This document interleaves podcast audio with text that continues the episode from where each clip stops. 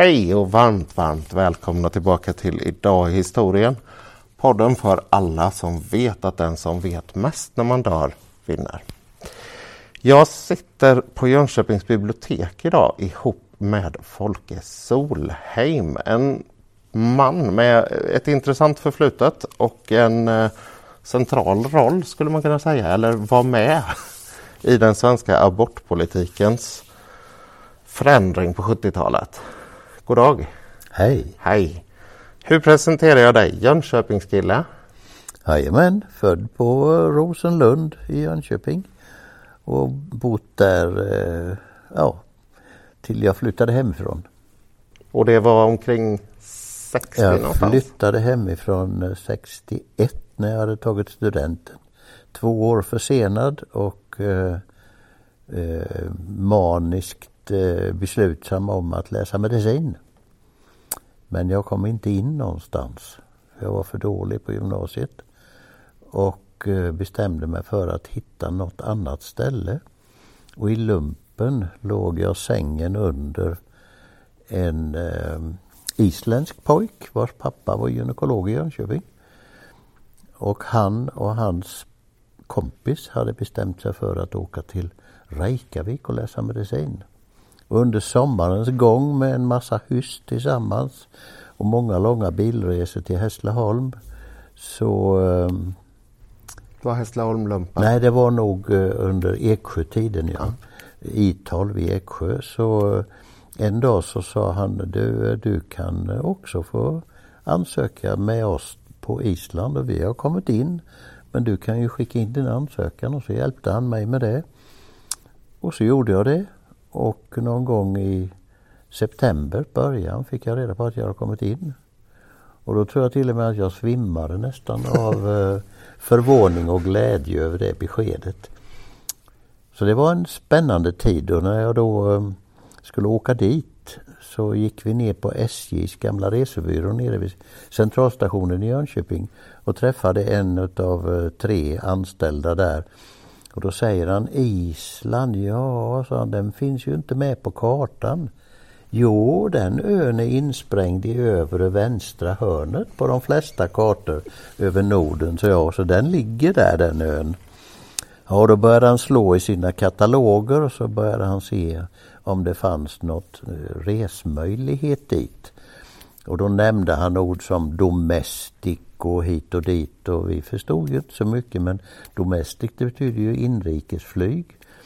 Så att han, eh, ja, han kom fram till slut att det fanns en möjlighet att åka dit var fjortonde dag ungefär. Men det var ju allt var ju fel. Det fanns ju, islänningarna hade ju redan då eh, fly, långflygningar över till USA med fyrmotoriga propellerplan som mellanlandade i eh, Reykjavik, eller Keplavik som det hette, en amerikansk militärbas. Så det fanns visst möjlighet att åka dit. Men för, första gången fick vi åka flyg men vi skickade våra prylar med båt. För det fanns en regelbunden båtanslutning till eh, Danmark som ju hade varit herrar på Island eh, för länge sedan. Mm. Så att vi kom dit i slutet på september och påbörjade våra studier. Tre killar, en var redan där och hade jobbat i fisken. Och jag och eh, Valle som han hette, vi kom dit med flyg. Och så inleddes en slitsam period på tre och ett halvt år där Mm. i Reykjavik. Och sen kom vi in i Sverige. Pratar du isländska idag? Ja, jag kan förstå isländska filmer och så. Men Ja. jag är lite dåligare, sämre på att prata.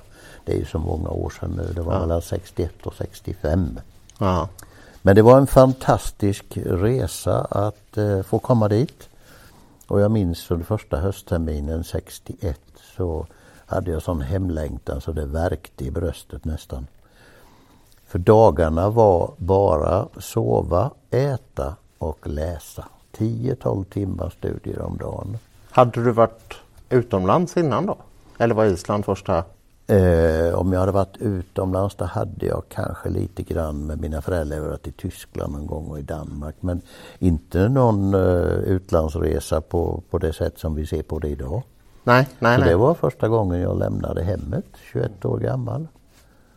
Och istället för att flytta från Rosenlund och ner till stan så flyttade du till Reykjavik? Till Reykjavik, ja. och där fick vi en liten lägenhet på två rum och mellanliggande toa men inga matlagningsmöjligheter. Ja. Så det var spännande. Men sen efter det så kom du hem till Sverige, fortsatte läsa medicin och ja. då sökte du dig till Umeå. Nej, det var inte så enkelt som det låter när du säger så. För varje jul var vi hemma utom en jul och varje sommar var vi hemma. Och varje gång vi var hemma så åkte vi till Medicinalstyrelsen för att försöka få dem övertygade om att utlandsmedicinare, som inte var så många på den tiden, eh, skulle ändå kunna mm, få komma hem och fortsätta läsa för vi visste ju att det fanns lösa tomma platser. Mm. Och de vi bemöttes alltid med samma argument. Ja, men ni har ju det bra där. Ni har ju studiemedel och ni kan väl vara kvar där. Ja, det är inte alls som idag då med folk som läste i Lettland och Polen och Ja, de kommer ju inte hem förrän de är färdiga nej, nej, nej. Men vi ville ju hem därför att det var ju, ja, det var ju långt borta och det var ett gräsligt väder och eh, det var en studiemetodik som var lite gammaldags. Man läste in allting utan till. Mm. Så vi kände att vi ville hem och så var det då en professor i Stockholm, Versell tror jag han hette, som tog initiativ till att ta hem några utlandsmedicinare. Och då hade vi blivit uppsatta på en lista på Medicinalstyrelsen och vi var två, tvåa, trea och fyra. Och då kom vi in, de fem första på den listan kommer då in i Lund. Så första en och en halv månaden tillbringade jag i Lund. Men där tyckte jag vädret var än värre än i Reykjavik för det var snålblåste och så låg det några små snödrivor i rännstenarna och så skulle jag cykla. För det var ju så i eh, Lund att eh, vårterminen som vi kom in på den tillbringade man i Malmö och höstterminen tillbringade man i Lund. Så vi fick åka tåg till Malmö varje dag för tre timmars föreläsningar. Det tog hela dagen. Och sen cykla hem via ICA och köpa med sig lite mat hem. Och det där blev för tråkigt.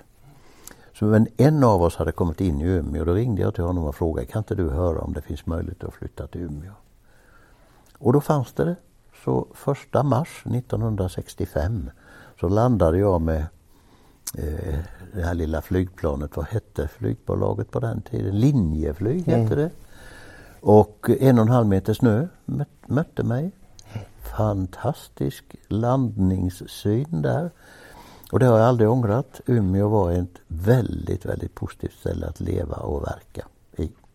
Och det intressanta ur min synvinkel här nu då utifrån vad jag själv har skrivit eh, uppsats om eh, just aborter är att du sen väljer specialiteten gynekologi mm. och att Umeå i den här enorma utvecklingen som sker under 60 och 70-tal får en väldigt speciell position och det är främst det vi ska prata om idag. Mm.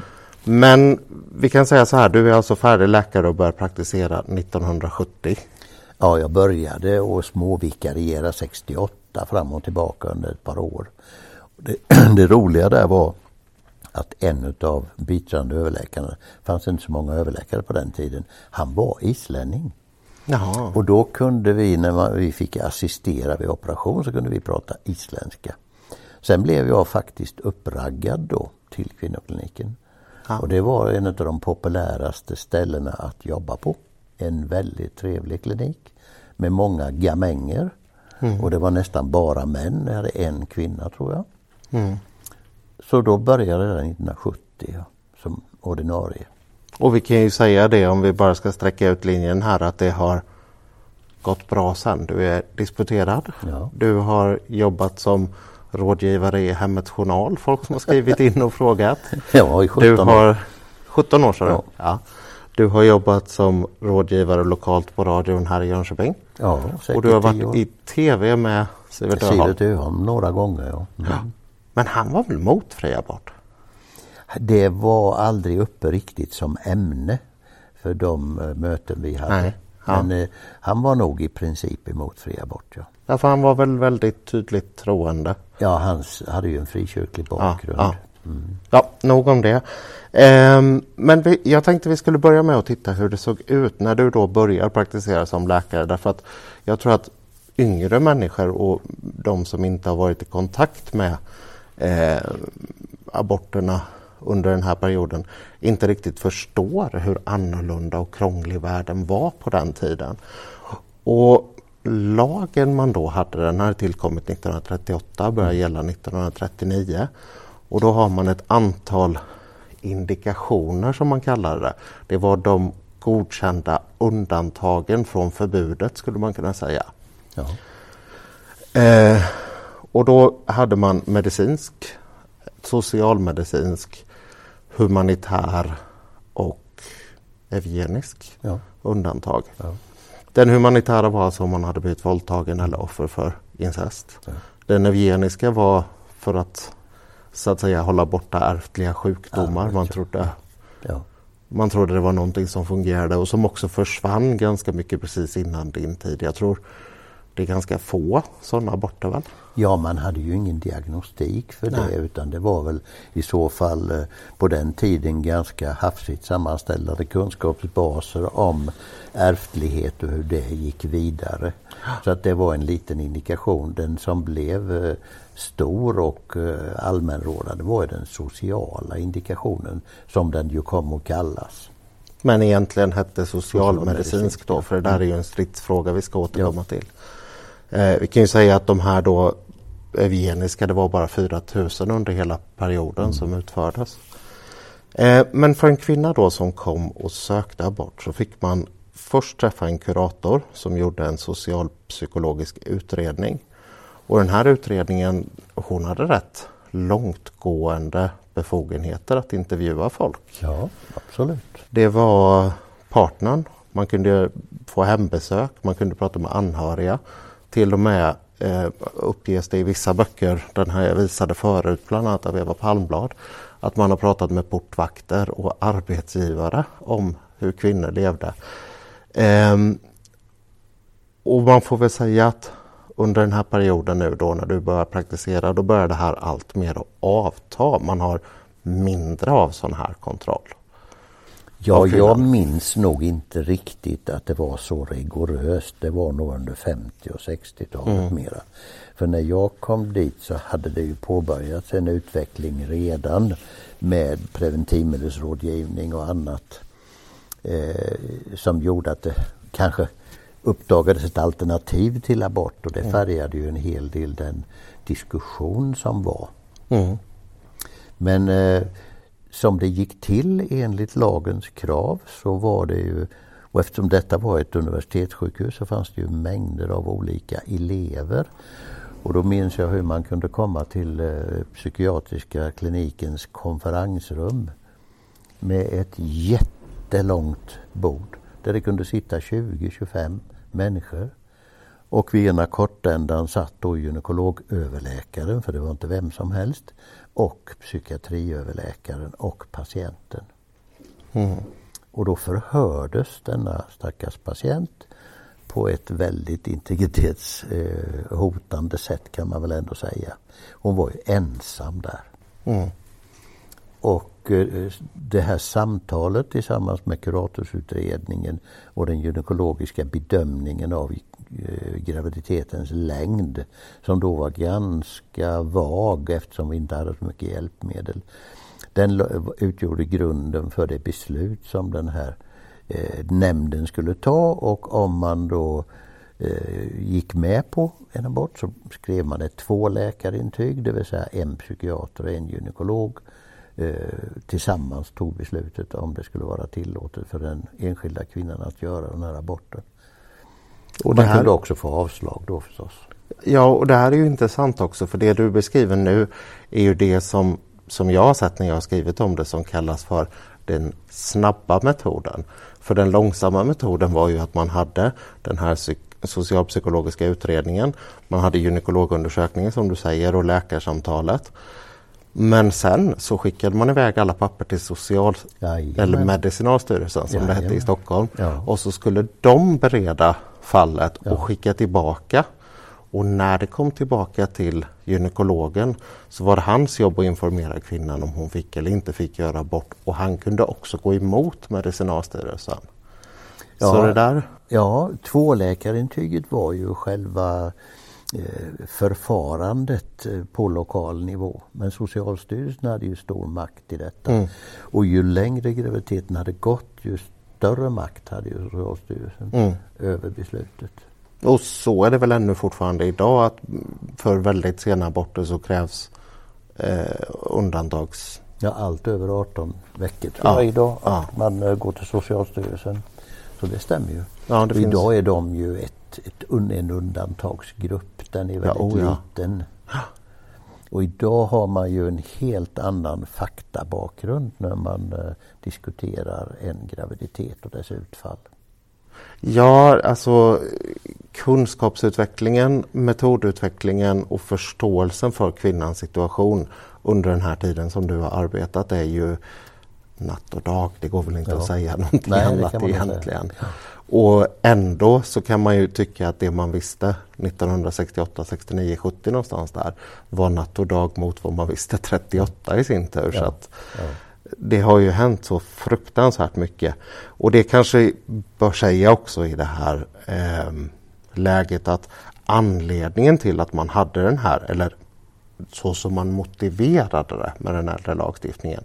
Det var ju bland annat för att skydda kvinnan. Man menade ju att kvinnor kunde, att det fanns bland annat eh, under den inledande delen av graviditeten en, en graviditetsdepression som fick kvinnor att göra överilade handlingar, det vill säga abort.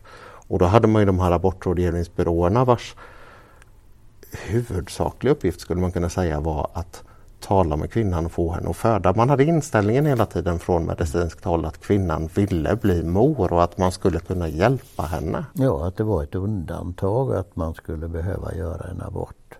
Men det var också så att man var väldigt inriktad på att hon själv skulle kunna, ha, kunna fatta det här beslutet. Att hon inte hade någon påverkan från föräldrar till exempel, men också från partner. Mm. Så det var ju väldigt dominerande som skäl till eh, åtminstone gynekologens inställning och ställning till patienten då. Att man ville få klart för sig att det var hennes beslut. Och det, den, den framväxande diskussionen var ju sen, eh, går ju sen grunden till i lagstiftningen att det var kvinnans eget beslut. Och det skulle man säkerställa att det var. Och innan det då med den här gamla lagstiftningen så har vi som exempel en väldigt, väldigt känd läkare Elisabeth Sjövall. Hon har sagt att den här utredningens roll är att vara fostrets försvarsadvokat. Ja, ja. Det finns också en uppfattning uttryckt från eh, väldigt, väldigt många läkare får väl egentligen säga, det är svårt att säga en enskild, där man menar att man utövar ett positivt förmyndarskap. Ja, kanske man kan, så kan man då uttrycka det. Eh, så att stödet för kvinnan eh, utgick nog i rätt hög grad från att man ville eh, stötta kvinnan i att föda sitt barn. Mm. Och sen kommer den här enorma omkastningen då mm. under 60-talet som egentligen på många sätt har sin början i neurosedyntragedin. Mm. Eh, man insåg väldigt fort där att en, en väldigt stor grupp kvinnor som hade velat ha ett barn inte ville ha ett skadat barn, att man ville ha en påverkan på sin situation. Mm. Och att, eh, vad ska man säga, en sån här påverkan förändrade förhållandet kvinnan hade till sitt barn i väldigt, väldigt hög grad. Mm. Och därför så inför man också en, eh, en eh, ny indikation i abortlagen som, som säger att man får, alltså en fosterskadeindikation som säger att man får utföra abort om man har skäl att anta att fostret har skadats under graviditeten. Vilket då skiljer sig från den eugeniska för att då var det ärftlighet. Mm. Mm. Och det där vållade ju stor debatt. För då var det många som menade dels att, som du säger, man hade inte goda metoder att förstå om fostret faktiskt var skadat eller in, inte innan ingreppet. Nej, mycket svårt. Ja. Och det andra var eh, att kvinnan satte sig i en sån oerhörd roll av makt. För man kunde gå till en läkare och säga jag har tagit Neurosedyn och han hade ingen aning. och att man då var rädd för att kvinnor skulle tvinga fram abort. Ja, egentligen så var hela attityden på den tiden var ju ett misstroende mot individens möjligheter att ta sådana här beslut. Man misstrodde.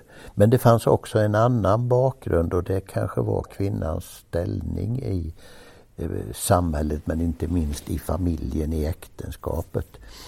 Eh, det patriarkala samhället mm. var ju mycket mer välutvecklat då än nu. Mm. Det har ju hänt väldigt mycket positivt på, det, på den fronten. Men eh, man, man poängterade ju att det skulle vara kvinnans egen vilja och i det låg ju att man visste eller misstänkte eller var övertygad om att det var många andra som kunde påverka kvinnan i sitt val att föda eller inte föda. Och sen det, det viktigaste är väl egentligen att vi måste komma ihåg att p-pillret det kom ju inte förrän i mitten på 60-talet. Mm. Och in, när det kom och då kan man ju också lite raljant säga det var en manlig uppfinning. Och det byggde ju på gulkroppshormon som vi ju idag vet väldigt väl hur det påverkar kvinnokroppen. Det påverkar ju humöret och vikten och mm. mycket annat. Så de första försöken att skapa ett p-piller gav ju väldigt mycket biverkningar. Ja och sen var det väl proppar och sånt där var ganska vanligt förekommande ja, också? Ja, för det var så oklart hur stora hormonmängder man behövde använda i de här pillerna. Men en utav eh, vad ska jag säga, en utav tankarna kring hur man skulle konstruera det här var ju också igen då en, ett misstroende mot kvinnan. Man sa att man skulle använda gulkroppshormon och använder man bara det då slår man ut eh, möjligheten att bli gravid eh, både i äggstocken och in i livmodern, livmoderslemhinnan som då blir tunn och inte brukbar för graviditet. Men, tänkte man, det går säkert inte att övertala kvinnor att använda detta om inte det lite grann mer efterliknar hennes vanliga menscykel. Därför så la man till guldkroppshormonet, progesteronet, la man till östrogen och skapade då en konstlad menscykel. Man fick sin blödning var fjärde vecka. Och då konstruerade man p-pillret i kartan så att det var lätt att räkna. Ah. Man åt bara ett piller om dagen och så var de konstruerade så att det utlöste en blödning. Då. Först så gjorde man en veckas uppehåll men sen byggde man ju in det här med sockertabletter så att man tog en tablett varje dag i 28 dagar och då kom blödningen under den fjärde veckan. Och idag så har vi många kvinnor som äter p-piller för att slippa blödningen ja, ja, av därför, olika Ja, av både medicinska och andra skäl. Ja. Men då, när, när det här kom så var det ju helt inriktat på kvinnan. Och det var hon som skulle sköta fertiliteten och eh, mm. eh, man hade inte så mycket tankar på vilka biverkningar det kunde ge. Men framförallt så var det ju ett, ett underkännande av kvinnans eh, intellekt tycker jag när man sa att ja, men vi måste nog göra det så att hon känner igen sig. Mm, mm. Annars kan hon inte använda detta. Ja, så inte ta ifrån någon kvinnlighet så att säga. Ja, ja, det var nog mera psykologiskt. Man tänkte att de vill inte ta det här om vi förändrar deras ja. mensschema. Ja. Jaha, ja. intressant. Ja, så att det, fanns ju, det fanns ju inte så många möjligheter för kvinnorna att skydda sig och försvara sig mot möjligheten att bli gravid. Nej, för det är ju också intressant i takt med den här aborten då, vi var inne här på Sherry Finkbein och så det här Neurosedynet och det bör ju tilläggas då för de som inte är helt bekanta med det här. Det var någonting man tog för att dämpa oro under graviditeten bland annat. Och när man tog det så fick fostret skador och man tog det i en väldigt specifik period. Ja, under de första tre månaderna. Ja, visst, och då fick man de här barnen med skador på armar och ben ja, framförallt. Ja. Eh, sen var det väl ganska många dödfödda också? Ja, det kommer jag inte ihåg men det var ju en, en skandal utan dess like. Ja, oh, ja en av de största medicinska alltså medicinskandalerna någonsin. Ja. Men efter det så kommer ju, eh, innan vi egentligen dyker in för djupt på det här med, med p-medlen, eh, Sheriff Finkbein till Sverige och gör abort. En väldigt intressant historia. Hon hade också tagit eh, Neurosedyn då, eller Taladomid som det hette i USA. Och det som händer här är ju att Sverige, för det här slås ju upp väldigt stort i nyheter. Hon är med i alla tidningar, hon är med i TV, hon är med sådär. Och det som händer är ju att svenskar får känna att man är ett väldigt progressivt land och ett väldigt progressivt folk. Men sen två år senare så kommer det som brukar kallas för Polenresorna. Och då visar det sig att svenska kvinnor istället får åka till Polen och göra bort. Så vi har tagit emot en amerikan som vi kan hjälpa med våra lagar. Men vi kan inte hjälpa alla kvinnor mm. i Sverige utan de får istället åka till Polen. Mm.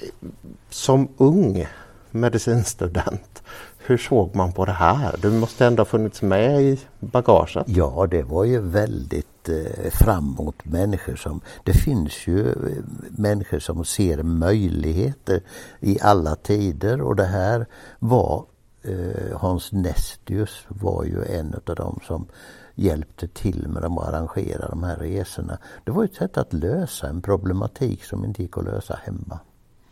Och då arrangerade man detta för i Polen var det tydligen då inga som helst betänkligheter.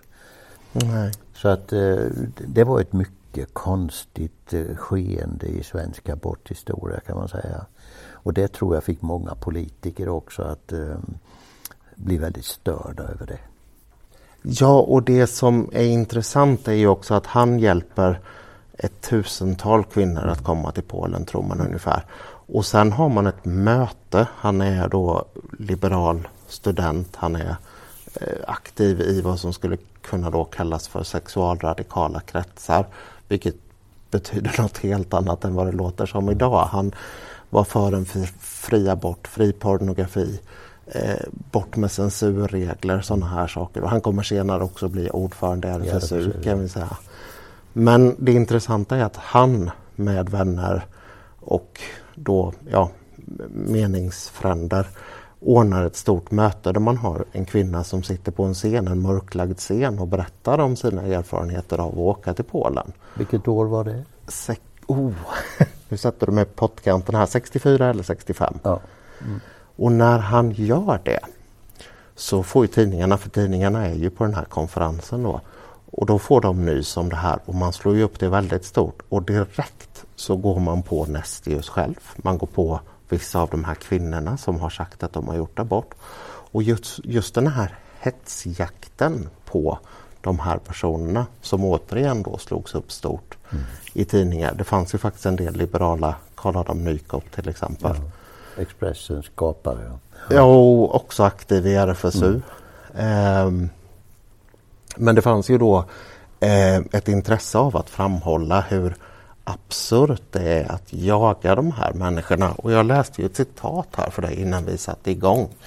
Och det är alltså riksåklagaren i anknytning till det här eh, med Polenaffären. Då säger riksåklagaren att det synes uppenbart att en åtgärd i fosterfördrivande syfte riktad mot ett foster var med en svensk kvinna är havande innebär ett brott mot svenska intressen. Och det är ju ganska absurt att man tänker sig att ett foster i en svensk kvinna är ett svenskt intresse. Men det uttrycktes ju också, var det inte Aske Uppmark som skrev om att om man har gjort 6000 aborter så var sannolikheten att det var hälften pojkar och hälften flickor. Då berövade man Sveriges försvarsmakt 600 blivande soldater och 3000 blivande hemkrigare så att säga, som skötte marktjänsten. Det är också ett sätt att se på det här. Alltså, det har ju återkommit efter oh ja. med olika mellanrum i abortdebatten under många år egentligen. Att eh, alla människor behövs och alla har lika värde och sådär. Eh, men sen har ju mycket av strids eh, eh, striden har ju knutits till eh, när man ska anse att ett foster är en människa och så vidare. När befruktningsögonblicket mm. sker. Och kommer vi in på striden om olika p-medelseffekter och sådär. Men, men eh, olika aktionsgrupper har ju varit inblandade i den här frågan i många olika eh, perioder och haft olika karaktär då. Men de som var Sundström, vad hette hon i förnamn nu igen? Kajsa. Kajsa Sundström, jag är ju en portalfigur för, för arbetet mot fri, eller för fri abort och henne kommer jag ju så väl ihåg. Hon fan, var ju med på alla möten som vi gynekologer hade av alla slag. Mm. En väldigt, hon var rätt så timid och lite, mm, nästan lite blyg men hon, eh, hon, när det gällde hennes specialintressen så var hon väldigt drivande. Mm. Jag undrar om det inte var hon som egentligen var själva anledningen till att abortutredningen kom till. Mhm. Ja, Det var ja. svårt att säga säkert men, men den luntan har jag ju läst utan och innan under åren. Mm. Där finns ju enormt mycket fakta. ja, och det är också eh, innan vi släpper det här med, med, med Polenresor och, och Sherry Finkbein. Det är ju också väldigt tydligt som du sa att det här får väldigt många politiker att inse att vad tusan är det som händer i vårt land egentligen? Och att det kommer en politisk vilja att åstadkomma en förändring här. Och Eh. grunden till den förändringen den har, kan vi nog lägga på de här människorna som drev frågan. Bland annat Nestius. Kajsa Sundström och Nestius. Ja. ja. Men det intressanta, för du, du var ju på väg in på det området här nu med, med nya p-medel. Och det intressanta här, det, det är många som nämner det också ser jag i mitt material att diskussionen om abort blir ju egentligen felaktig när man börjar med vissa av de här p-medlen för de är ju i sig aborterande. Vilka tänker du på då? Nej men om du har till exempel en spiral så måste det ju bli en celldelning som sen där embryot stöts bort. Den diskussionen ska vi nog inte ta nu för den skulle föra för långt. Gynekologerna anser ju inte att eh, livmoderinlägg av någon form, i någon form är aborterande. Utan eh, den första spiralen som kom det var ju plast. Och där var man väl inte riktigt säker på effekten riktigt och den blev väl inte riktigt hundraprocentigt säker men den byggde lite grann på beduinerna som la in eh, dadelkärnor i, i eh, livmodern på kamelerna. Då blev de inte gravida. Och då Jaha. la man in ett plastinlägg i livmodern och såg ju då att det var graviditetshämmande. Eh, det, det kan möjligtvis vara så att eh, man har försökt att föra det i bevis då om det var aborterande eller om det var förhindrande. Men när kopparen kom så skapade det ju en miljö i livmodern som förhindrade Mm. eh, befruktningen. Ja, det är en avfällning av material som Ja, förändrar. och när det gäller hormonspiralen sen som har kommit så är det ju en absolut ingen aborterande metod utan det är ju en skapande av en miljö i livmodern som omöjliggör Ja. eh, en befruktning. Ja, för det jag, jag tänkte på här var eh, bland annat Gunnar Björk som ju var på tidigt 60-tal fortfarande en enorm figur med, inom medicinsk etik. Ja, han var ju professor, thoraxprofessor var han nog. Ja, Eller kardiolog, ja på Serafen. Ja. oerhört stor Ja. internationellt Ja. läkare åt kungen, sådana här saker. Eh, men han, han skriver bland annat i en artikel om eh, att livet då enligt Codex Ethicus, den läkarkodens egna medicinska kod, etiska kod, förlåt, eh, som antas 1951, att livet uppstår. Och det här är intressant för att han säger att livet uppstår när sädescell och äggcell sammansmälter. Mm. Men, och att det här då är naturvetenskapligt exakt och det ska inte juristerna lägga sig i, säger han väldigt bestämt. Men sen kommer det en annan läkare längre fram i mitt material och säger att livet börjar med den första celldelningen. Och det här får ju väldigt stor betydelse för hur man ser på intrauterina p-medel och det är därför jag tog upp det som, som en eh, jag förstår vad du menar med att diskussionen kommer leda långt men för den som var för den som hade den synen så kunde man ju se de här medlen menar jag som aborterande och då blir det ju väldigt svårt att säga att vi får inte göra aborter på klinik men vi får sätta in hjälpmedel som eventuellt då gör att kvinnan aborterar med jämna mellanrum själv hemma. Man var ju inte säker på det. Nej, nej. Men man, man kunde anta det för att spermierna ska ju faktiskt ta sig igenom livmodermiljön och ta sig ut i äggledaren där befruktningen sker. Mm. Och om det då är en miljö, för vi vet ju inte vilka, vi vet fortfarande inte vilka eh, poänger det är i spermiens tillkomst eller vandring som är nödvändiga för befruktningsduglighet. Vi har igen, vi vet inte prostatas exakta roll när det gäller utmognande och påverkan av spermierna och vi vet inte heller miljöns roll under racet genom livmodern.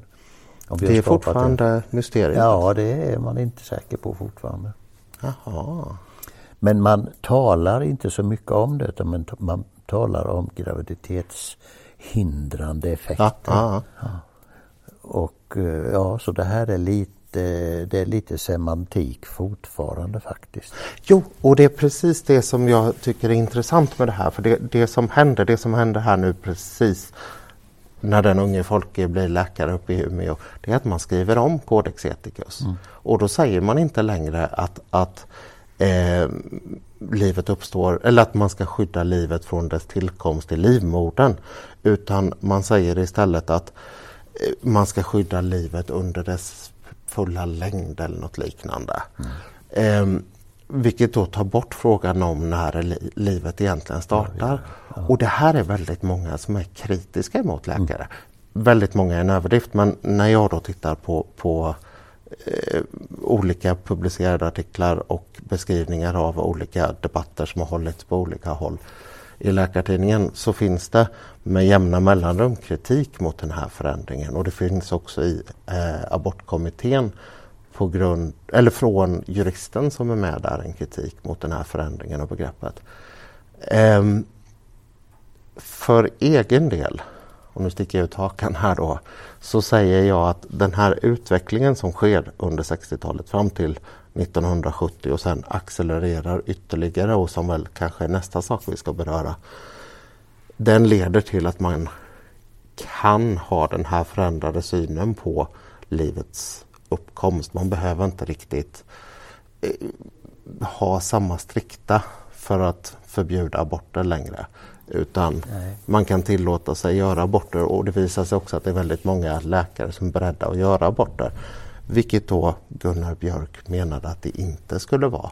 Han varnar till och med för, i en av de här artiklarna, att eh, Nej, det är inte han, förlåt, det är en annan läkare som heter Jan Larsson som för ett liknande resonemang. Som varnar för att det skulle kunna bli som Nürnbergprocessen i Sverige. Om svenska läkare varit med vid aborter så skulle de kunna ställas Inför till rätta längre fram. Ja. Ja, det låter ju... Det är svårt att följa eh, Gunnar Björks resonemang där. Ja, det var Jan Larsson ja, där sista. Men, men de, de, eh, de uh, vilade nog i sina resonemang på ganska bristfälliga data. Det var ganska mycket filosofi bakom deras ställningstagande. Och, men när det gäller abortfrågan så, så bortser man väl från det här med livets uppkomst. Man har ju faktiskt inte anledning att göra en abort förrän det har uppstått ett liv. Nej. Eller hur? Ja. Så frågan flyttades väl lite längre framåt i tiden och diskuterade väl inte egentligen alls i utredningen om det var ett liv eller inte. Mm. Utan det var ju självklart, annars var det ingen abort. Mm. Och det så är nästa, den grund det alltid har vilat på? ja, nästa steg blev ju då att ja, vi, har ett liv som har uppstått. Då kan man förflytta frågan lite till och fråga sig när är det livet livsdugligt? Mm. Och den diskussionen pågår ju fortfarande. När är ett foster livsdugligt? Och det är väl den enda diskussion som är kvar när det gäller aborträtt och, och, så ska man kunna göra det i vecka 22, 23 mm. och så vidare.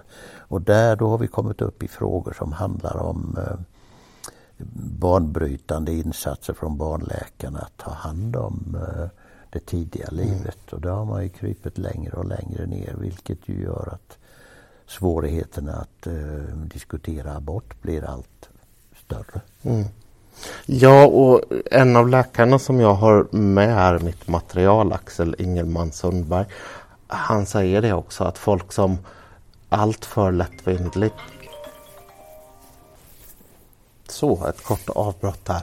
Jo, det jag skulle säga var att eh, en av de läkarna som är med i mitt material och en som var ganska tongivande under den här debatten heter Axel Ingeman Sundberg. Han har ganska många intressanta synpunkter på det här. Men den jag tänkte på framförallt nu är eh, han säger att de som allt för lättvindigt tycker att vi ska ha fria aborter inte själva har stått med en abort på en 5-6 månaders gången graviditet och hur hemsk upplevelse det mm. faktiskt är. Och det där är ju ett perspektiv som faktiskt ganska många tar upp här. Och I de här artiklarna så ser man bland annat att det finns undersökningar om hur eh, personalen reagerar och hur olika personalgrupper reagerar. Eh, och att då psykiatern till exempel har en, en något mindre, ett något mindre blodigt möte med aborterna så att säga. Medan då de som städar till exempel i en operationssal kan vara ganska otrevligt för dem också. Ehm, men, men, men det intressanta här då ehm, med en man som Ingemar Sundberg är att han som är radikalt, får man väl säga, är emot abort tidigt och en kvinna som Elisabeth Sjövall som är det, de kommer att ändra uppfattning omkring 70 något längre fram. Och att det här då delvis beror på att aborterna har ökat fruktansvärt mycket. Mm. Man brukar säga att det görs lika många aborter mellan 38 och 68 som det gör mellan 68 och 74. Mm. Eh, med samma lagstiftning, vilket är ganska udda. Och det andra eh, är att man lär sig väldigt mycket om de här personerna på vägen.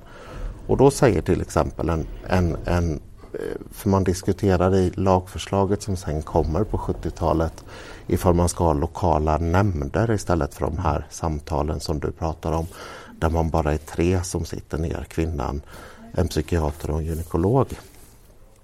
Och då säger till exempel Axel Ingeman Sundberg att det är väl inga nämnder som är gravida utan det är kvinnan, det borde vara hennes beslut. Upplevde du den här förändringen tydligt inifrån. Att sådana här gamla rävar eller vad man ska kalla det eh, tog ställning tydligt för att det var kvinnan. Baserat på, ny, på, på nya metoder och erfarenheter.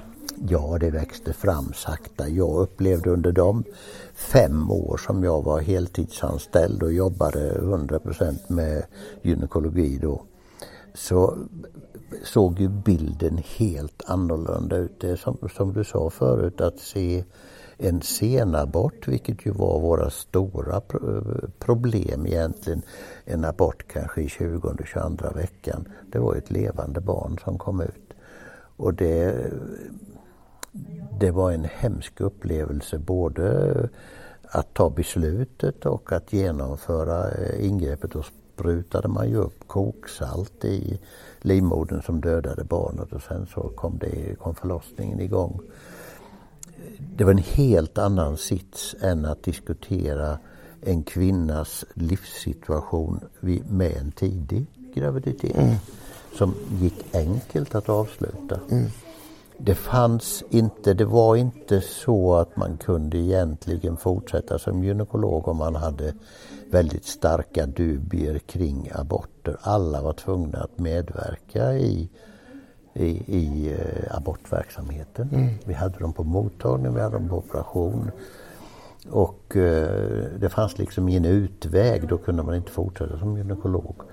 Och det kommer jag ihåg nu när jag har sett de här fallen bland annat i Jönköping med barnmorskan som vill vara barnmorska men inte vill delta i, i mm. aborter. Och det går liksom inte att säga så, då får man välja ett annat yrke känner jag. Ja, den här samvetsfrihetsfrågan blir ju väldigt stor under en kort period har jag sett och sen dör den. Är inte ni uppe nu? Jo, men, men om man tittar på artiklarna som skrivs, om ja, man tittar på ja. frekvensen, så under de första åren efter aborten, för tanken var ju från början att man skulle kunna tillåta folk att ställa sig utanför. Men sen visade det sig ju att det finns inte stöd för det från riksdagen. Eh, det finns några få politiker som försöker trycka på. Um, Sen försvinner det ju men sen har det ju växt upp igen onekligen. onekligen. Fast väldigt få fall är det ju. Ja. Men, men man har väl insett på något sätt att alla som ger sig in i ett yrke vet ju vad yrket innebär. Mm. och man kan inte plocka ut en slags patient och säga att dig vill jag inte ha att göra med, din problematik vill jag inte ha att göra med. Och det, det blir ju så stort eftersom om man säger att man vill inte medverka vid en abort så kan man ju inte heller medverka vid preventivmedelsrådgivning, eller hur? Nej. nej. Därför att eh, då, då har man, låter man sina egna egoistiska eh, tankar vara eh, övergripande över kvinnans egen synpunkt på sitt liv och sin situation. Mm. Så det är ju rätt, jag tycker det är rätt självklart att man inte ska jobba i den vårdformen om man är emot abort och inte kan delta vid det. Mm.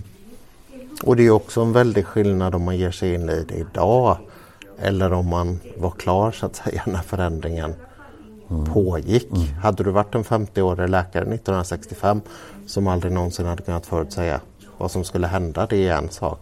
Men att idag komma från andra hållet är ju, Nej, man vet hur det fungerar. Ja. Men den här kliniken då som du jobbar på, jag berörde det i inledningen, får ju en väldigt speciell ställning. Man har ett samarbete med den socialpsykiatriska nämnden, vilket alltså är en nämnd hos först då Medicinalstyrelsen och sen Socialstyrelsen som den döps om till. Och den här nämnden är de som avgör abortärendena.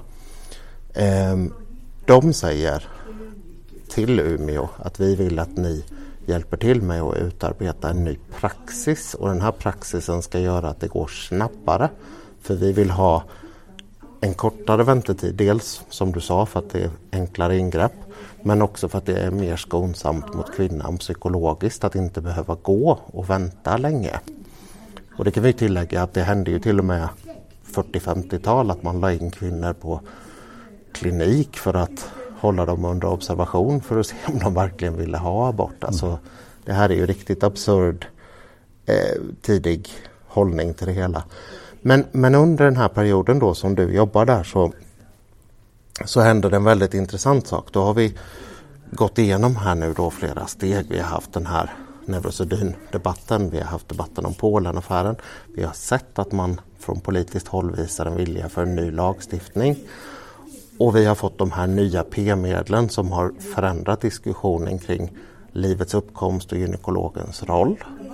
Och sen, kvinnans roll. Och kvin ja, ja, självklart. Hennes självklart. roll med, med utan hjälpmedel. Ja, ja, och familjens, familjens roll där. Nu sa jag fel. Jag tänkte på paret med skulle jag nog ha sagt. Men, men det intressanta här nu då eh, det är att när den socialpsykiatriska nämnden nu med och här börjar samarbeta då sänker man, redan 1968, så sänker man handläggningstiden för en abort från 26 dagar. Visste du att det var så länge? Nej. 26 dagars handläggningstid och det här gjorde man medvetet tidigare för att kvinnan skulle få tid att tänka efter. Helt annorlunda inställning. till. Precis, mm. precis. För man trodde att hon eventuellt då hade en depression som mm. kunde påverka hennes beslut. En depression som utlöstes av graviditeten, ska man tillägga. Vilket sen har visat sig, om jag förstår allt rätt, vara nys. Ja. ja. De här 26 dagarna sänker Umeå genom ett nytt förfarande till 12 dagar 1968. Och det här var avgörande för vilken metod man kunde använda. Och på det sättet så får man in 94 procent av aborterna i första trimestern. Kan du förklara varför det är viktigt? Eh, jo, men det har ju med metoden att göra. Man, man blev ju ganska snabbt ense om att eh, en tidig abort var man tvungen att ha en gräns. Var ska man sätta gränsen? Och då handlade det ju mycket om att eh, vi gynekologerna var fast i tänkandet i trimestrar. En graviditet är tre trimestrar, tre tolvveckorsperioder. Och att under första trimestern så skedde egentligen all utveckling hos fostret. Efter tre månader så är det bara tillväxt i eh, grova drag kan man säga. Så all utveckling skedde under de första 12 veckorna. Och livmoderns storlek då, fostrets storlek och moderkakans storlek och tjockleken på livmoderslemhinnan var faktorer som eh, hade betydelse för metoden då. Från början hade man skrapat men nu kom man på att man kunde suga ut innehållet. Det, det som kallas för. Vakuumaspiration, ja. Och det var ju, blev ju en oerhörd framgång för uh, arbetet med polikliniska aborter. Man behövde inte lägga in. Och sen, men vi måste nog beröra det här med en av sakerna som var så viktig med abortutredningen var ju att man jag vet inte om man kan säga att man kom på men man förstod att man var tvungen att hänga på en eh, skyldighet för huvudmännen att tillhandahålla bra preventivmedelsrådgivning. Mm. Jag vet inte hur många abortförebyggande program som jag har sett under mina ögon både i Umeå och här i Jönköping under, när jag var med i landstinget i politiken. Eh, en, en eh, mångsidigt eh, ordbajsande kan man säga som, som ju hade kunnat uttryckas mycket enkelt egentligen. Att preventivmedelsmarknaden skulle utvecklas, att den skulle bli tillgänglig var ju väldigt viktigt. Och det är en av de viktiga resultaten av abortutredningen. Det blev fri abort eller abort on demand som Lasse Jakobsson uh, myntade mm. på begäran. Och då skulle man tillförsäkra kvinnan en säker metod som inte utsatte henne för fara och som gjorde att verksamheten också skulle tjäna på det. Mm. Man skulle inte behöva uh, ockupera en massa sängar för detta. Mm. Och det som är intressant också, det som leder fram till det här med, med eh, just preventivmedelskopplingen, sammankopplingen mellan de här frågorna, vilket ju sett från vårt perspektiv kan verka märkligt att man inte förstår tidigare och koppla ihop dem tätt. Men, men det som är intressant är ju att man får ett större intresse också av vem är det som gör abort?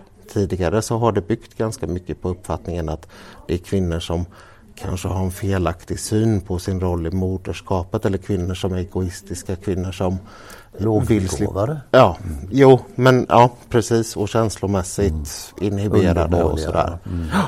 Men den synen har man ju helt lämnat här nu på det sena 60-talet och tidiga 70-talet. Det visste, och det, man, det visste man ju att inte det var sant. Men i, Hela tiden. i det patriarkala Sverige så kunde man inte ta sig bort från den uppfattningen. Ja. Men man, hade, man visste ju det i själva ja. verket, att detta var sant. Ja, för det som är intressant är att här inser man ju sen att det är en kvinna som står inför en bekymmersam roll vare sig hon är 15 år och har råkat bli gravid eller om hon är 50 och har råkat bli gravid och redan har fyra, fem barn. Mm. Och att preventivmedel var en väg bort från det här. Och det man pratar om väldigt mycket det är ju en uppsökande preventivverksamhet.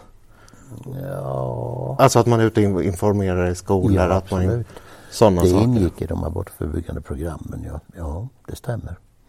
Men, men eh, det, framförallt så skulle, har det ju varit många olika facetter i eh, hur man såg på eh, tillgången på preventivmedel. Det har ju varit massa vågor i detta. Man har försett kvinnor med gratis preventivmedel och det som är nu är ju att man eh, gör det men man har också rabatteringar som gör att är man under en viss ålder. Och det har ju med hur man tänker på samhället i stort att göra vilka metoder man tar till för att se till att folk använder preventivmedel. Men om vi håller oss kvar lite i det här patriarkala sättet att se på kvinnan. Jag är förvånad över att man inte i utredningen mer berör partnerns roll, alltså partnerns situation. Mannen eh, jag, jag, kan tänka mig att det är ett feministiskt perspektiv eller i ett radikalfeministiskt perspektiv så vill man gärna se att mannen inte får någon utöva någon makt eller har några önskemål om kvinnor överhuvudtaget utan de är allsmäktiga. Och mannen är i princip någonting som vi skulle kunna undvara. Men han är i alla fall inte med här i utredningen i någon, eh, i no till någon del. Mm. Så männens eh, del av familjelivet, den bortser man helt ifrån. Och det är också någonting som ni från Umeå försökte lyfta ja. i jo. artiklar om, ja, om vad det fanns för psykologisk påverkan på kvinnan, på mannen och på, för de båda som enhet. Vi försökte bli vi hade skrivit en uppsats om mannens roll i det abortsökande paret och det visade ju sig att det, det, det fanns inte en tanke på det. Mm. Att mannen skulle kunna ha någon roll där. Och det, jag tror att det grundar sig i en begränsning i tänkandet. Man kunde inte tänka så långt att man skulle, eller man orkade inte att få med mannens roll där. Hur skulle man, ut, hur, hur, skulle man skriva ett resultat av en lång utredning om mannen skulle ha eh, någon form av beslutande rätt? Det hade inte gått. Är det av samma anledning tror du som eh, preventivmedelsfrågan är så tydligt kopplad till kvinnan? Nej, det tror jag inte. Nej.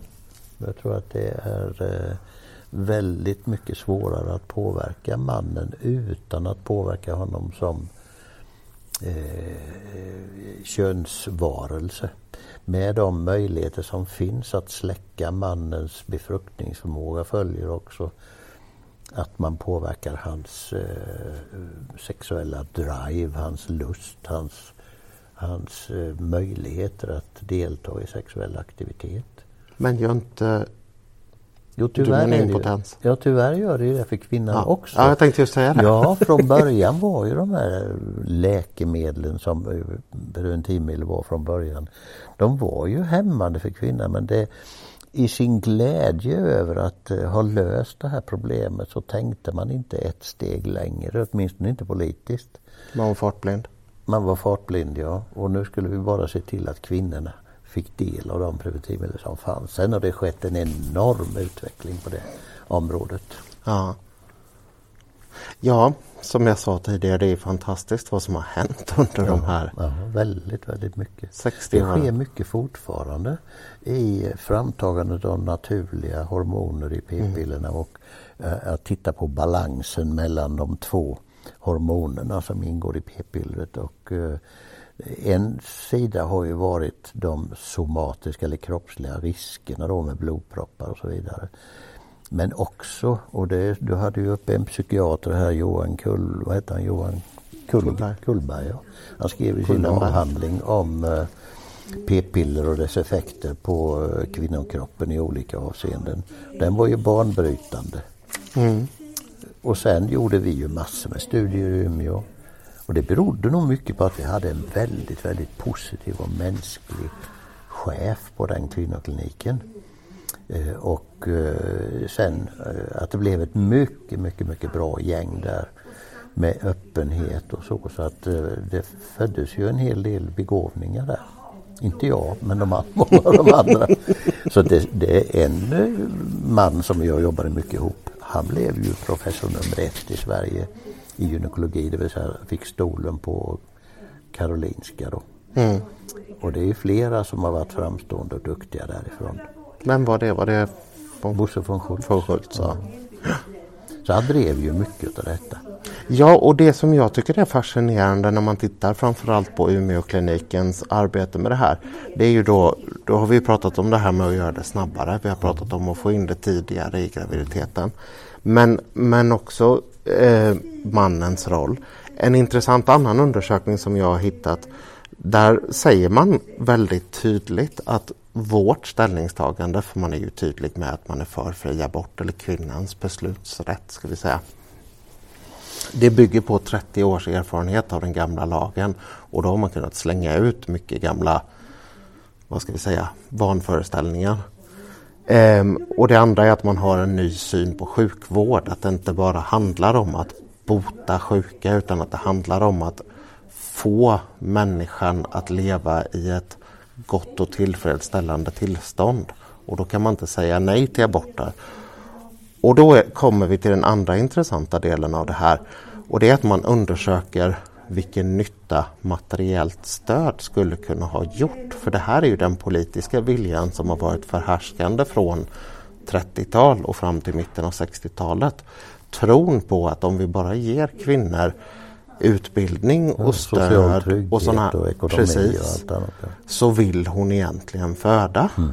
Men sen inser man både från medicinskt håll och från politiskt håll, medicinarna före skulle jag säga politikerna, att så är inte fallet. Utan det är, för att uttrycka det enkelt, våran komplexa mänsklighet som bara handlar om jag vill eller jag vill inte.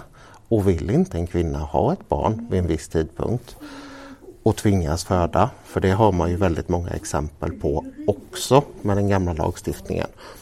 Och forskning som man då bedriver för att se hur går det för de här mödrarna, hur går det för de här barnen. Och man kommer ju fram till väldigt deprimerande slutsatser kring de här personerna. Ja. Och samtidigt inser man att få kvinnor ångrar sig efter att ha gjort en abort. Så, så det är ju egentligen inte konstigt sett med de här 30 årens erfarenhet då som Umeå men, själva säger. Men jag, det är lite för lättvindigt att säga att ingen ångrar sig. Nej, inte ingen, få sa jag. Nej, det är nog så att majoriteten har tankar oh, om ja. detta och skulle kanske ha valt en annan lösning eh, om det hade funnits en annan lösning. Men för de, all, de allra flesta upplever ju att det finns ingen annan mm. lösning det, i det läget. Mm. Men och det, det är svårt att hitta någon kvinna egentligen som inte känner att det här är ett R i själen, ett oh ja. R i kroppen och att det var en, ett svårt beslut. Eh, så att det har man ju inte hjälpt till med i vården. Snarare är det ju så att man banaliserar nästan det här med fertilitet och eh, familjebildning. Det är ju ingen som ägnar fem minuter åt ett missfall idag till exempel. Vilket ju är en väldigt sorglig händelse i en kvinnas och en mans liv. Det är mycket större än vad man kan tro. Man lägger inga resurser på det. Man lägger inga resurser på att följa upp de här kvinnorna som gör abort heller. Och inte ens de som gör många aborter. För vi skrev ju också om upprepade aborter. Oh ja. Hur det såg ut. Och ett användande av abort som preventivmedel. Som mm. Och vilket vi måste tillägga är någonting som i vissa länder är ganska vanligt, ja. framförallt i öststaterna I på den här tiden. Rumänien och Bulgarien, de länderna. Jag kommer ihåg när jag skrev min avhandling, jag samlade ju uppsatser från världens alla hörn. Men där var man ju väldigt, väldigt eh, eh, på det här med att, att använda, att det var inget, inget konstigt att kvinnor använde abort ända till Ceausescu och grabbarna kom till makten. Då behövde de fler, ungefär som, vem var det som Ask pratade? Ask Uppmark sa att vi behöver soldater mm. och, och hemvärn och annat. Så där blev det ju jättebesvärligt att få göra en mm. abort till slut. Länder som hade varit totalt eh, renons på tankar mm. kring detta. Och jag hade kollegor som fick eh, jag har jobbat ihop med rumänska kollegor som har kommit hit och de berättar hur de alltid hade en eller två politrucker hängande över axeln, inte minst när de åkte utomlands på kongresser och så. Men även hemma bevakades de. Så när en gynekolog gjorde en skrapning, ett medicinskt ingrepp för att diagnostisera någonting in i livmoderhålan, så fick han ut material och det la man ju en burk med formalin. Men då gjorde han fyra sådana burkar och smusslade undan tre i fickan och lämnade en, en vidare med sjuksköterskan då till analys. Sen kunde han använda de andra tre i abortsituationer där han av eh, gott hjärta och eh, problemlösning eh, gjorde tidiga aborter genom sk med skrapning. Ja, ja, ja. Men istället för att skicka med det materialet så tog han en burk i fickan och skickade med det. För då var det ju en vanlig slemhinna, det syntes inte att det var en graviditet. Så var det i de länderna. Och, så det blev ett diametralt skifte där. I Sverige har det ju inte varit så utan vi har ju sett ett antal aborter som legat ganska fast. Jag brukar jämföra med, med gonorré och klamydia. Ja. På tal om Ceausescu. Det är Jelena Ceausescu som är den drivande för den här Jaha. utvecklingen. Eh, hon fastslår i ett dekret, eller hon är den som är drivande för att det här dekretet ska skapas, att rumänska kvinnor har en plikt att föda. Ja. Så jag förstår Nya rumäner. Ja, ja, absolut. Och vad det handlade om var att man ville bli större än Östtyskland och Polen. Större befolkning. Ehm, för man ville ju inte vara en efterbliven jordbruksstat när de var häftiga industristater om vi ska raljera. Men det här ledde ju till en helt absurd situation ja. och där folk undersöktes på jobbet för att de inte skulle kunna undkomma att vara gravida tidigt och göra en illegal abort. Och det bevisar ju hur fruktansvärt illa det kan gå i ett samhälle men samtidigt är det ju en skräcknivå alltså på, på, på nivå med alltså undantagsmässigt hur man ska se på det som historisk händelse. Där kan man ju faktiskt jämföra med Tyskland på 30-talet, att det är så pass stort undantag det man höll på med i Rumänien på den tiden. Ja. Men det, det visste jag faktiskt inte om det, det är riktigt fascinerande ja. och skrämmande. Ja, Sen, om man då går tillbaka lite grann till antalet då. Mm. Vi, har ju, vi har ju sett det här att vad vi än har gjort, hur många abortförebyggande eh, program man än har skrivit så har vi legat på samma antal under många år. Det ligger mm. på 35 000. Mm. Det man har kunnat se i siffrorna i övrigt är ju att en förvånansvärt stor del, strax under 50 procent, är kvinnor mellan 20 och 29. Man delar ju upp dem i olika mm. ålderskategorier, mm. femårsgrupperingar. Att de står för så stor del av aborterna. Då var det ännu konstigare eh, efter lagen och på 80-talet. Nu är ju kvinnor så sena med sitt barnafödande och vill ha ut så mycket av livet så nu kan man kanske ha en annan synpunkt på det. Men då, att kvinnor mellan 20 och 30 gjorde så många aborter. Det var ju den del av livet när de skulle föda sina barn. Mm. Hur tänkte de och hur hade de arrangerat sina liv? Mm. Så att, eh, sen har tonårsaborterna som jag har jobbat mycket med, och de har ju sjunkit faktiskt. Och, och tonårsfödslar ska sägas, för ja, det var ju på en nivå som man idag inte kan föreställa sig hur många barn som föddes av tonåringar på 60-70-talet. Och jag tänker på Kiruna där, där arbetslöshet, det gjorde man ju ja. studier på. Men, men eh, eh, där, så där har man lyckats. Eh, och det vet jag inte vad det beror på egentligen. För det kan ju inte vara så att de trivs bättre med p-medlen än, än lite äldre kvinnor. Men vad jag anser är ju att det finns mycket kvar att göra på preventivmedelssidan för att hjälpa kvinnor att undvika ofrivillig graviditet. Mm. Och det gör man inte idag, det går mycket på slentrian det här. Nu var det synd här för jag trodde jag hade faktiskt en eh, graf över hur tonårsutvecklingen har sett ut. Um, men det är ju väldigt positivt att ja. det är färre och färre unga som behöver genomgå detta. Men det är väl väldigt mycket, är det inte det på grund av den här, eh, som jag kallade det, uppsökande verksamheten? Att man är, informerar bättre i skolor, att man jo. utbildar bättre Men de har ju tagit bort det, vet du. De har tagit bort det. Ja, jag vet att under flera år, det var ju så att på kvinnokliniken så ansågs ju inte utåtriktad verksamhet ha något värde överhuvudtaget. Och jag var ju van vid Umeå, vi var ju väldigt aktiva där. Jag var ju van vid det så jag har ju varit ute i alla åttor eller nio tror jag och alla gymnasieklasser många år i rad. Och då fick jag ju smita från jobbet och vara ute ta någon en och en halv timme för att sitta i en panel på gymnasiet eller ut och delta i temadagar på högstadiet. Och väldigt, väldigt positivt. Och det var ju tillsammans med andra, det var präster och det var barnmorskor och det var lite annat. Men det fick man inte göra. Det, var inte, det ansågs inte vara ett, ja, var, att det inte var värt ansträngningen. Så. Så, och sen började skolan att prioritera bort det. Vi hade inte ja. råd med det. De betalade ju inte mig någonting. Det kostade ju ingenting. Men de eh, orkade inte lägga, eh, lägga arbete på att arrangera sådana temadagar. Så det har försvunnit helt. Men finns det inte något, tyvärr, lite mänskligt i just det där att man råkar se problemet som löst och så slutar man och sen sitter man tio år senare och undrar hur hamnade vi här? Mm. Jo men så är det nog. För jag menar, det, det, är ju din vardag. Ja. Det var det ju inte för Men dem. i många, på många områden i samhället så ser vi ju hur det går i vågor. Ja. Det, ett intresse dyker upp och det, en debatt startar och en massa konstiga figurer eh, bidrar i den där debatten och sen tillkommer någonting och så Eh, är det så väldigt aktuellt på agendan och sen bara försvinner det. Mm. Man orkar liksom inte tänka två tankar samtidigt. Jag lyssnade på en fantastisk, det var nog P1-sändning för massor med år sedan som handlade om hur polisen i någon förort i Stockholm gjorde en lista.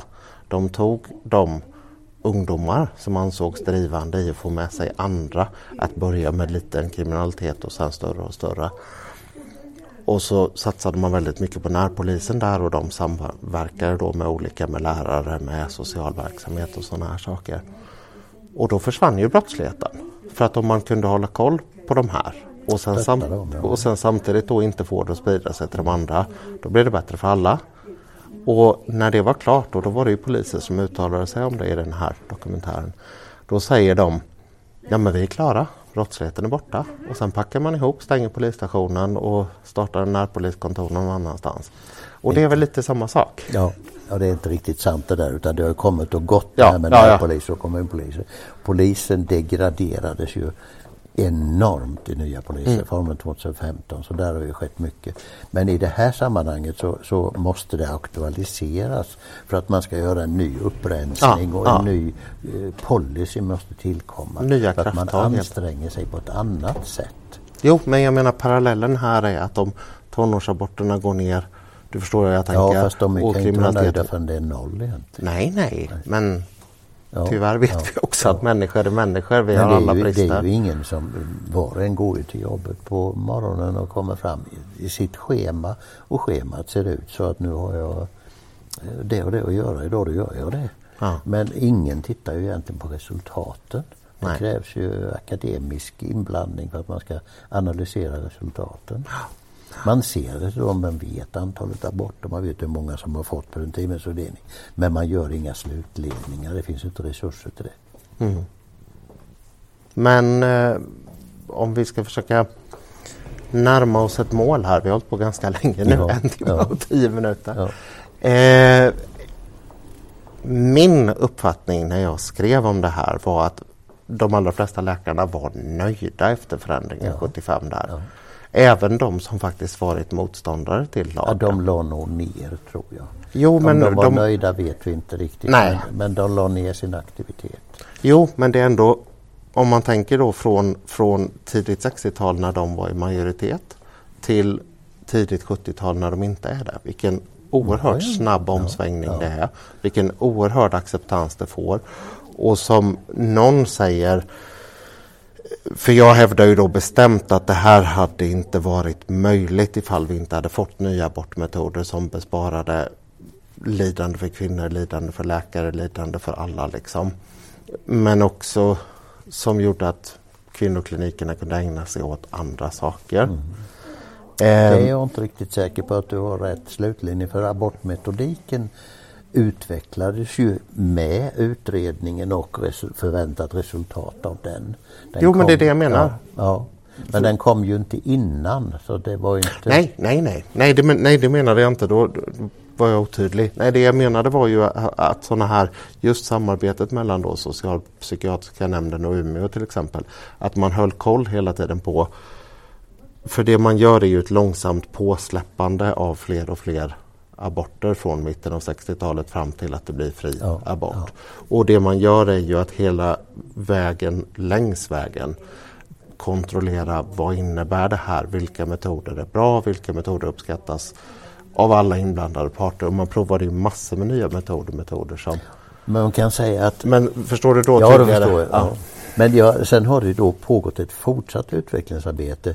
Åren, decenniet efter att eh, lagen kom 75 så startade ju Mark Bygdeman eh, ganska tidigt. Man hade upp, eh, uppfunnit eller konstruerat prostaglandiner eh, och man visste då att det eh, drog ihop livmodern. Man kom också fram till eh, fosterdödande mediciner. Och eh, när, man, när man hade kommit så långt och visste att det var ofarliga mediciner faktiskt så började ju utvecklingen mot det där abortpillret då som mm. hade varit uppe på tapeten länge. Och det tog väldigt, väldigt många år innan det blev klart. Jag minns att jag var i opposition till det. Jag tyckte inte om det. Och det berodde mycket på att min uppfattning var att det var tufft att lämna kvinnan i den här situationen, att lägga sig i gynstolen. Ofta blev de ju sövda. Mm. Och sen var man kvitt ett liv när man vaknade. Nu skulle man lämna kvinnan hemma. Man kom till en barnmorska och fick eh, piller av två sorter. Så skulle man ta dem på ett visst sätt och sen skulle man eh, blöda och uppleva hela förloppet ensam hemma. Det är ganska tufft. Så där menar jag en sak till som är att man har övergivit kvinnan i abortsituationen. Hon har inget stöd att tala om idag. Hon har möjlighet att få prata med kurator. Men det har gått så långt så att eh, att genomföra en abort det är kvinnans business och då får du ta konsekvenserna. får du fixa detta själv. Men du menar man är för isolerad i detta idag? Det, är... det känner jag att det är ju inte enkelt. Nej absolut att inte. göra. Ta först ta beslutet, sen går man och får några piller och sen tar man dem och så får man ett missfall. Ja, och man har ju Ensam missat. är man. Precis, man har ju missat på sitt sätt visionen man hade 73, Stötta 74 kvinnan, ja. längs hela vägen Ja.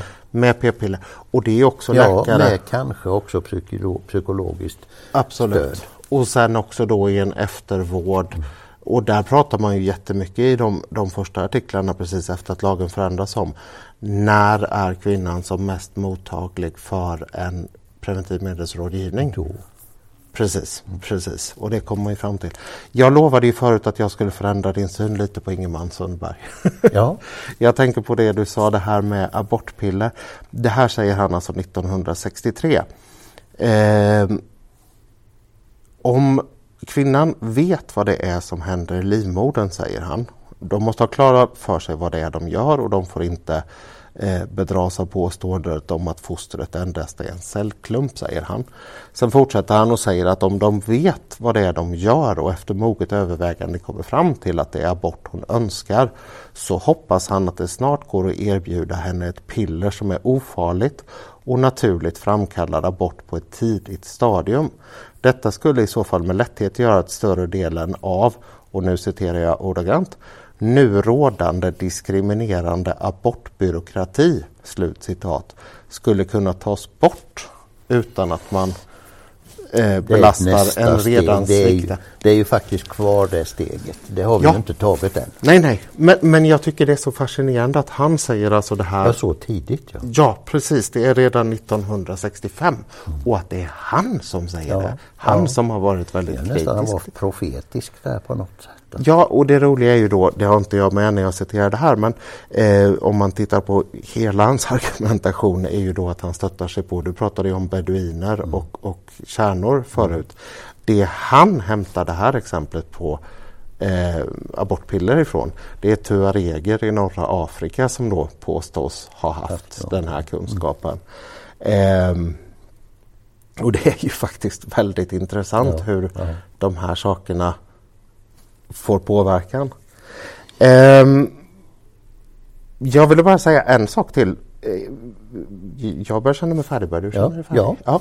Nej, det som jag tycker är väldigt, väldigt intressant med det här, det är att på tidigt 70-tal så är nästan hela ökningen av aborter och den är ju så enormt stor. Man gör 6000 aborter om året 1965 och man gör som du säger nästan 30 35 ja. ja. Ja, 30-35 000 i början av 70-talet. Men nästan hela den ökningen sker i första trimestern. De som är i andra trimestern ligger mer eller mindre stilla under den perioden. Det är, väl, det är lite svårt att förklara det. Hur det kunde bli så. Frågan är vad fanns det för påverkan? Men var det inte väldigt, det är den uppfattningen jag har fått, att det var väldigt tydligt eh, målsättningen för er Ja som men det praktiker. kan, inte det kan inte ha varit 70 till 75. Det måste ha varit 75 till 85. Som det blev så va? Nej, nej, nej. 65 till eh, nästan hela ökningen före vecka 13. Därför att man har insett att eh, aborter, alltså det man, ja, det är egentligen inte sena aborter då, men aborter i andra trimestern är 3 till 5 gånger farligare. Ja. Ja. Ehm, och det här är också någonting då som man menar spelar roll för abortens eh, juridiska och etiska aspekter. Jag ska se. Här har du till exempel ett diagram som visar och där ser du också hur mycket vårddagar det kräver. Ehm, Slutenvården rasade ju. Ja. Så här, det mest intressanta med hans artikel är när han beskriver denna ökning så påpekar han att i princip hela denna skett genom ingrepp före 13 veckan.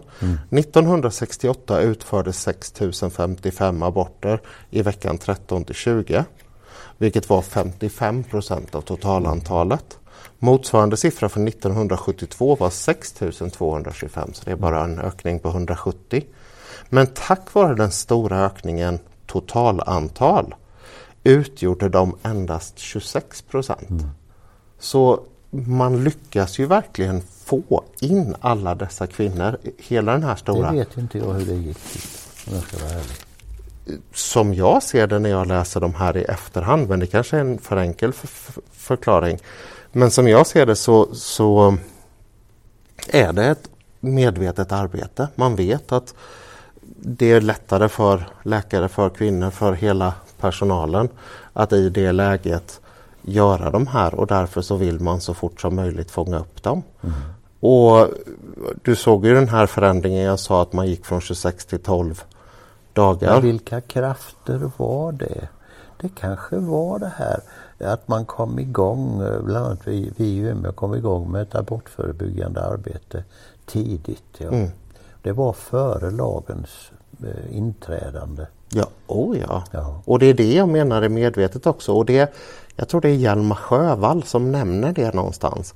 Att faktiskt när man då börjar prata om den här abortutredningen och när man från politiskt håll gör det så är det väldigt tydligt att man vill att vissa kliniker ska ha ett större ansvar för att se vartåt ska det barka liksom. Och vi var ju lite inne på honom innan här. Lars Engström, en man vars namn du inte Nej, kände igen. Inte. Men han är alltså först vice ordförande i socialpsykiatriska nämnden och socialpsykiatriska nämnden är alltså de som avgör abortärendena. 1968 blir han också ordförande i socialpsykiatriska nämnden och 1967 så blir han överläkare för RFSU. 1968 så tar RFSU ställning för fri abort. Så att utifrån vad han har skrivit och utifrån vad, vad eh, var han befinner sig i den här politiken så ser jag det som väldigt tydligt att han åtminstone tillhör den mer liberala falangen av Ja, det är lite grann 68 vänstern detta en känsla av. Ja, jag är inte så säker faktiskt. Men det intressanta är i alla fall att han finns ju då på RFSU. Han finns i socialpsykiatriska nämnden. Det är socialpsykiatriska nämnden som samarbetar med Umeå. Mm.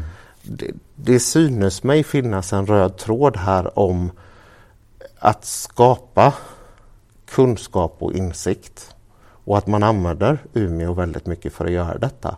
Sen skrivs det väldigt mycket om det i Läkartidningen och sprids till andra kliniker. Mm. Och det går att se väldigt tydligt eh, hur Malmö och Göteborg bland annat eh, gör liknande saker. Kortare handläggningstid, eh, tidigare ingrepp och så försvinner massor med vårddagar. Jag tror att Lund sparar 1500 vårddagar 1970 på att ändra ingreppen. Och man säger själva att det här är fenomenalt för då kan vi använda det för ja, andra saker och bland annat preventivmedelsrådgivning. Så jag tror att det fanns, eller tror, det fanns en väldigt eh, medveten drive eh, som kanske inte upplevdes inifrån, höll jag på att säga. Men, men, men liksom det finns en linje här från läkarnas sida. Man skriver om Codex Ethicus, man tar tag i den här nya sjukvården som går ut på att hålla människor i ett tillstånd som är optimalt för deras livsutveckling. Inte längre bara fritt från sjukdom utan att man istället... En god hälsa. Ja, ja precis. Mm. Eh, och att det i sin tur då leder vidare till att man använder sig av skonsammare metoder och då kan låta aborterna öka. Ja, precis. Sen kommer ju då motreaktionen och där är ju läkarna med och säger vi måste ha preventivmedel.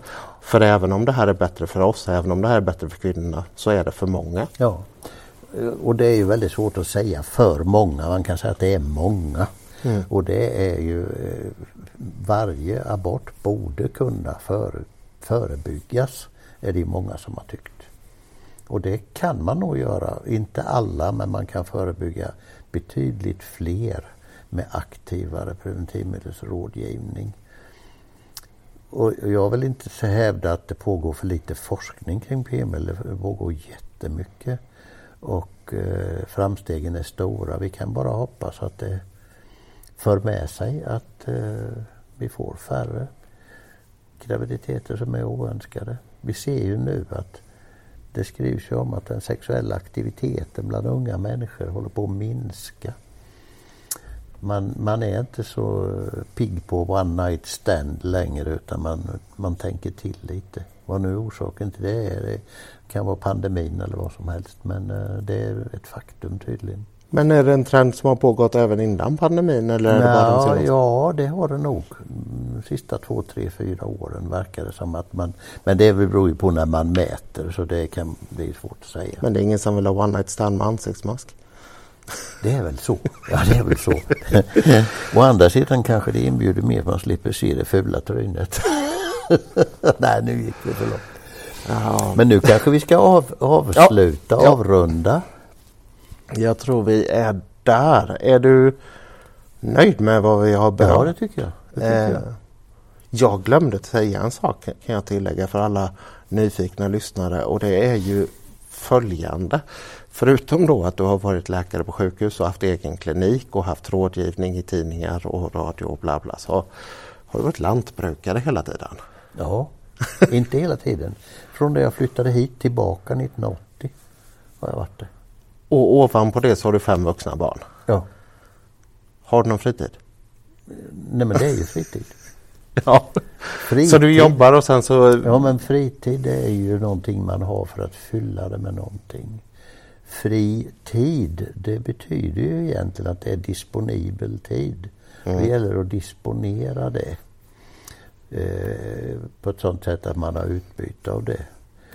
Eh, jag vet inte, jag har nog slitit hela mitt liv egentligen utan att tänka så mycket på det.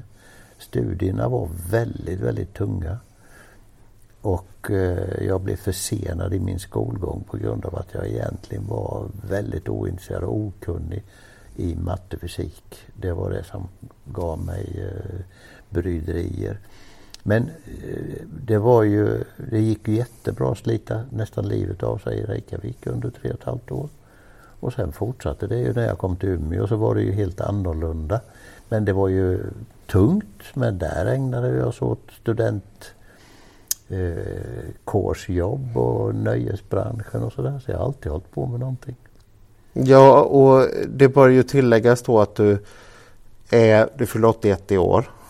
Två. 82, förlåt, ja. just det vi har passerat nyår. Eh, och du slutade jobba för två år sedan? Ja, jag var tvungen när pandemin kom. Ja. Då var åldern ett handikapp. Då sa de att då är man skör. Så då fick vi sluta. Det var en dom du inte uppskattade i sig? Nej, jag hade gärna fortsatt ett tag till faktiskt. ja. Men det har jag gjort mer eller mindre regelbundet ända fram till dess. Det är häftigt, det är kul. Ja, ja jag förstår det för jag känner ju att, att få jobba med saker som jag vill göra, att göra sådana här saker, att skriva, att mm. Sådär jag ser ju ingen anledning till att någon någon gång ska komma, nu kommer väl inte 67 året när jag är i den åldern, men att någon kommer och säger nu stänger vi butiken så ska du gå hem och sätta dig och spela bingo, det finns ju inte. Nej, mata duvorna, det hinner man med ändå. Man kan mata duvorna också. Ja, och hur jäkla mycket roligare är det inte att prata om människor och människors möjligheter än att mata duvor? Många, liksom. många har ju frågat mig varför jag blev gynekolog och förklaringen till det det var att jag eh, gjorde, det är ju sista kursen i studierna barn och gyn. Och då var det en sån väldigt trevlig klinik i Umeå och han islänningen där var ju som en, han blev som en pappa för hela det stora gänget sen. Och jag blev tillfrågad om jag ville jobba där. På den tiden så kunde man bli vad som helst, var som helst. Och det var ju väldigt jobbigt. Vad vill jag bli för specialist? Vad är det som passar mig? Mm. Och vart vill jag åka för att starta upp den här karriären då? Då var det väldigt, väldigt, eh, kändes väldigt bra att bli tillfrågad om jag ville starta på KK där. Det var enkelt? Det var mycket, mycket enkelt på det viset. Men jag har aldrig ångrat det. För min specialitet har ju verkligen skapat en eh, oerhört bra förutsättning för patientkontakt. Så att jag har känt att eh, det är, ett, ett, det är ett oförskämt bra yrke om man är intresserad av människor och intresserad av att dela mm, människors bryderier och försöka hjälpa till på traven så är det en fantastisk specialitet. Den innehåller praktiska grejer, den innehåller profylaktiska, den innehåller alla de komponenter som läkaryrket egentligen erbjuder. Så det, jag har aldrig ångrat det. Och det är Och sen- lite tillbaka till den här gamla rollen av läkare att sitta bredvid patienten och Ja. samtala. Det Prata, inte, sätta sig in, förstå. ja, du känner ju Och- min far. Ja. Han har ju valt medvetet tvärtom. Ja, Att- han ville ha eh, inte så mycket patienter. Nej, utan han vill ha in dem, Ja. göra det han ska göra med dem och ut med dem. Ja, och så en bild att Ja. tolka. Ja. Så det är intellektuellt, men det skulle jag aldrig klarat av. Och han säger tvärtom att det värsta han skulle kunna tänka sig, det är inte gynekologi, det behöver du inte oroa dig för, men det är neuropatienter. Eh, patienter. Just det här Neurologi, ja, ja. att man håller på i två år och det är så här, vi har haft stora framgångar för han kan nu röra två fingrar igen. Eh, det säger han att det skulle knäcka honom. Han vill se, Omedelbara handlingsmönster. ja, Men det är väldigt olika som väl är. ja absolut. Men du vet, det är, jag tror varje specialitet också formar sin utövare lite grann. Eh, jag- åtminstone har det gjort det med mig. Jag brukar säga att jag, min intelligens den är begränsad. Det enda jag tror att jag vågar säga att jag har är eh, ett empatiskt förhållningssätt och eh, Envishet. nej, egentligen inte. Och social kompetens. Ja. Och det kommer man långt med i läkaryrket faktiskt. Det som jag tycker är absurt sen, för jag stötte ju på dig när jag läste de här eh, artiklarna i, alltså inte i fysisk form. Eh, och sen någon gång, jag vet inte om jag satt och läste hemma någon sommar eller något sånt, så är det mamma eller pappa som säger att Folke Solheim, han är ju härifrån. Och då sa jag, va? Nej, honom måste jag träffa. Och det är typ 20 år sedan, det hände ju aldrig. Sen möttes ju vi första gången för, det är bara ett par månader sedan, ett möte om demokrati. Ja. Och du pep iväg fort och min mamma sa att bla bla bla, Folke Solheim och jag bara, var han här? Ja, det var han som satt en person bort från dig eller något sånt. Och jag så här, nej men, jag ville ju prata med honom apropå min uppsats. Men därifrån och, och när man träffar folk och säger, för nu har vi haft lite andra verksamheter ihop då kring det här med demokrati och sådär. Men, men det som är intressant är att alla älskar dig. Alla vet vem du är och alla älskar dig i Jönköping. Det vet jag inte riktigt men alla vet nog vem jag är. Och då har jag ganska roliga minnen från min gamla mamma som blev 100 år. Oj. Det som var genomgående under vår uppväxt det var så Nu sköter du dig på stan, tänk på att du heter Solheim sa hon. Och det var ju, pappa hade ju en optikaffär på Östra Storgatan 11 och namnet var så, eh, ja det, det var så lättigenkännligt så att eh, gjorde man bort sig så gjorde man bort namnet. Men eh, ja, Och anseende var viktigt på den tiden. Ja, det var väl det lite då. Men jag vet inte om hon tog det som ett trick att påverka oss också. Jag vet inte riktigt. Men när vi gjorde den här, eh, det här programmet vi gjorde om, om folkrörelser och demokrati så pratade vi ju om eh, nykterhetsrörelse och, och de här idealen, ordningsskötsamhetsidealen som fanns i med det här. Och Peter som var med då som är pastor Peter Bernhardsson. Bernhardsson, ja. ja. Jag har jobbat ihop med hans mamma. Ja, jag sa det till honom då att nu förstår jag varför min mamma alltid har sagt till mig när jag är på väg ut, är du helren och nykter? Ja, just det. Och, och, och det här är ju egentligen samma återspegling som det du fick höra, att man har ett ansvar för. Ja, lite Luther är det Oh, oh, ja. Och det tycker jag är bra. Jag, jag känner väl att det, man, när, när man ska lägga sig ner och dö och man gör det. Vad vill man att folk ska tänka om en då? Vill man att de ska tycka det var skönt att bli av med den jäveln, han var ju, hade ju ingen plats på jorden. Eller vill man att de ska tycka att ja, det var en ganska bra person, han gjorde lite nytta då, eller han, ja, vad de nu kan av men åt det positiva hållet i alla fall. För att det, ja, så kan man tänka. Men det, det ska ju inte vara så att man är tillrättalagd för att vara den man är. Utan man ska ju vara den man är för att man är det. Och så får man hoppas att, att Ja. det faller folk på läppen. Ja, för problemet är ju när det går in i politiken så som det gjorde, om, om vi då går tillbaka till aborter och steriliseringar. Var man inte helren och nykter så blev man aborterad, steriliserad och dömd till att inte kunna skaffa barn. Ja. För inte särskilt länge sedan i vårt land. Ja.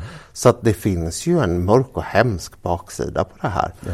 Sen omvänt då kan man ju säga det här som jag sa precis i inledningen med att den som vet mest när den dör vinner. Det är ju självklart en travesti på att den som har mest prylar när han dör vinner.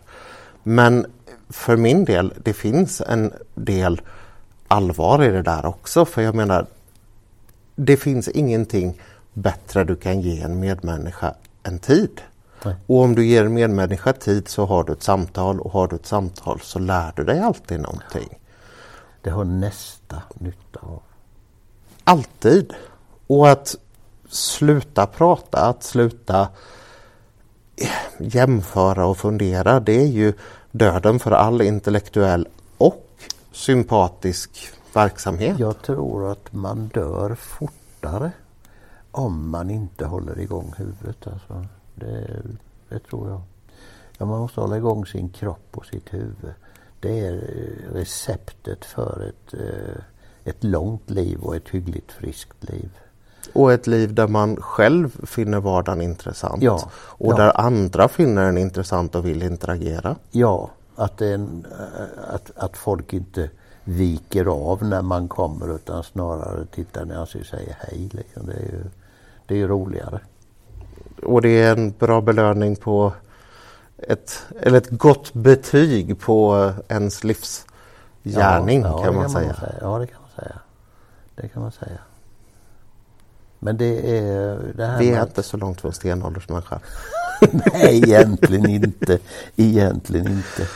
Och jag, jag känner nog att jag håller igång min, eh, min livsgnista genom att vara intresserad av saker och ting som händer i samhället. Få ha synpunkter på det för mig själv. Och eh, försöka förstå hur, hur de menar. Och sen är det härligt med, med rättframma människor. Man, jag brukar säga att det är nästan bättre med extroverta än introverta människor. Och om man då med extroverta menar att de kan bli förbannade eller de kan komma med något utfall eller någonting. Ja men tio gånger hellre det än en som du inte vet vad du har. Som du nästan kan känner att "Ja, men när jag går härifrån nu så kastar de knivar i ryggen på mig.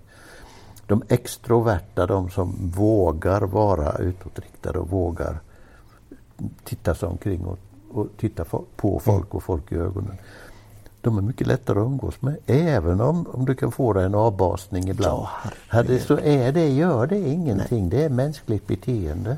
Och särskilt inte om det är en person som dessutom i efterhand kan komma och säga att äh, ursäkta, jag Ja, tror det gick lite. ja.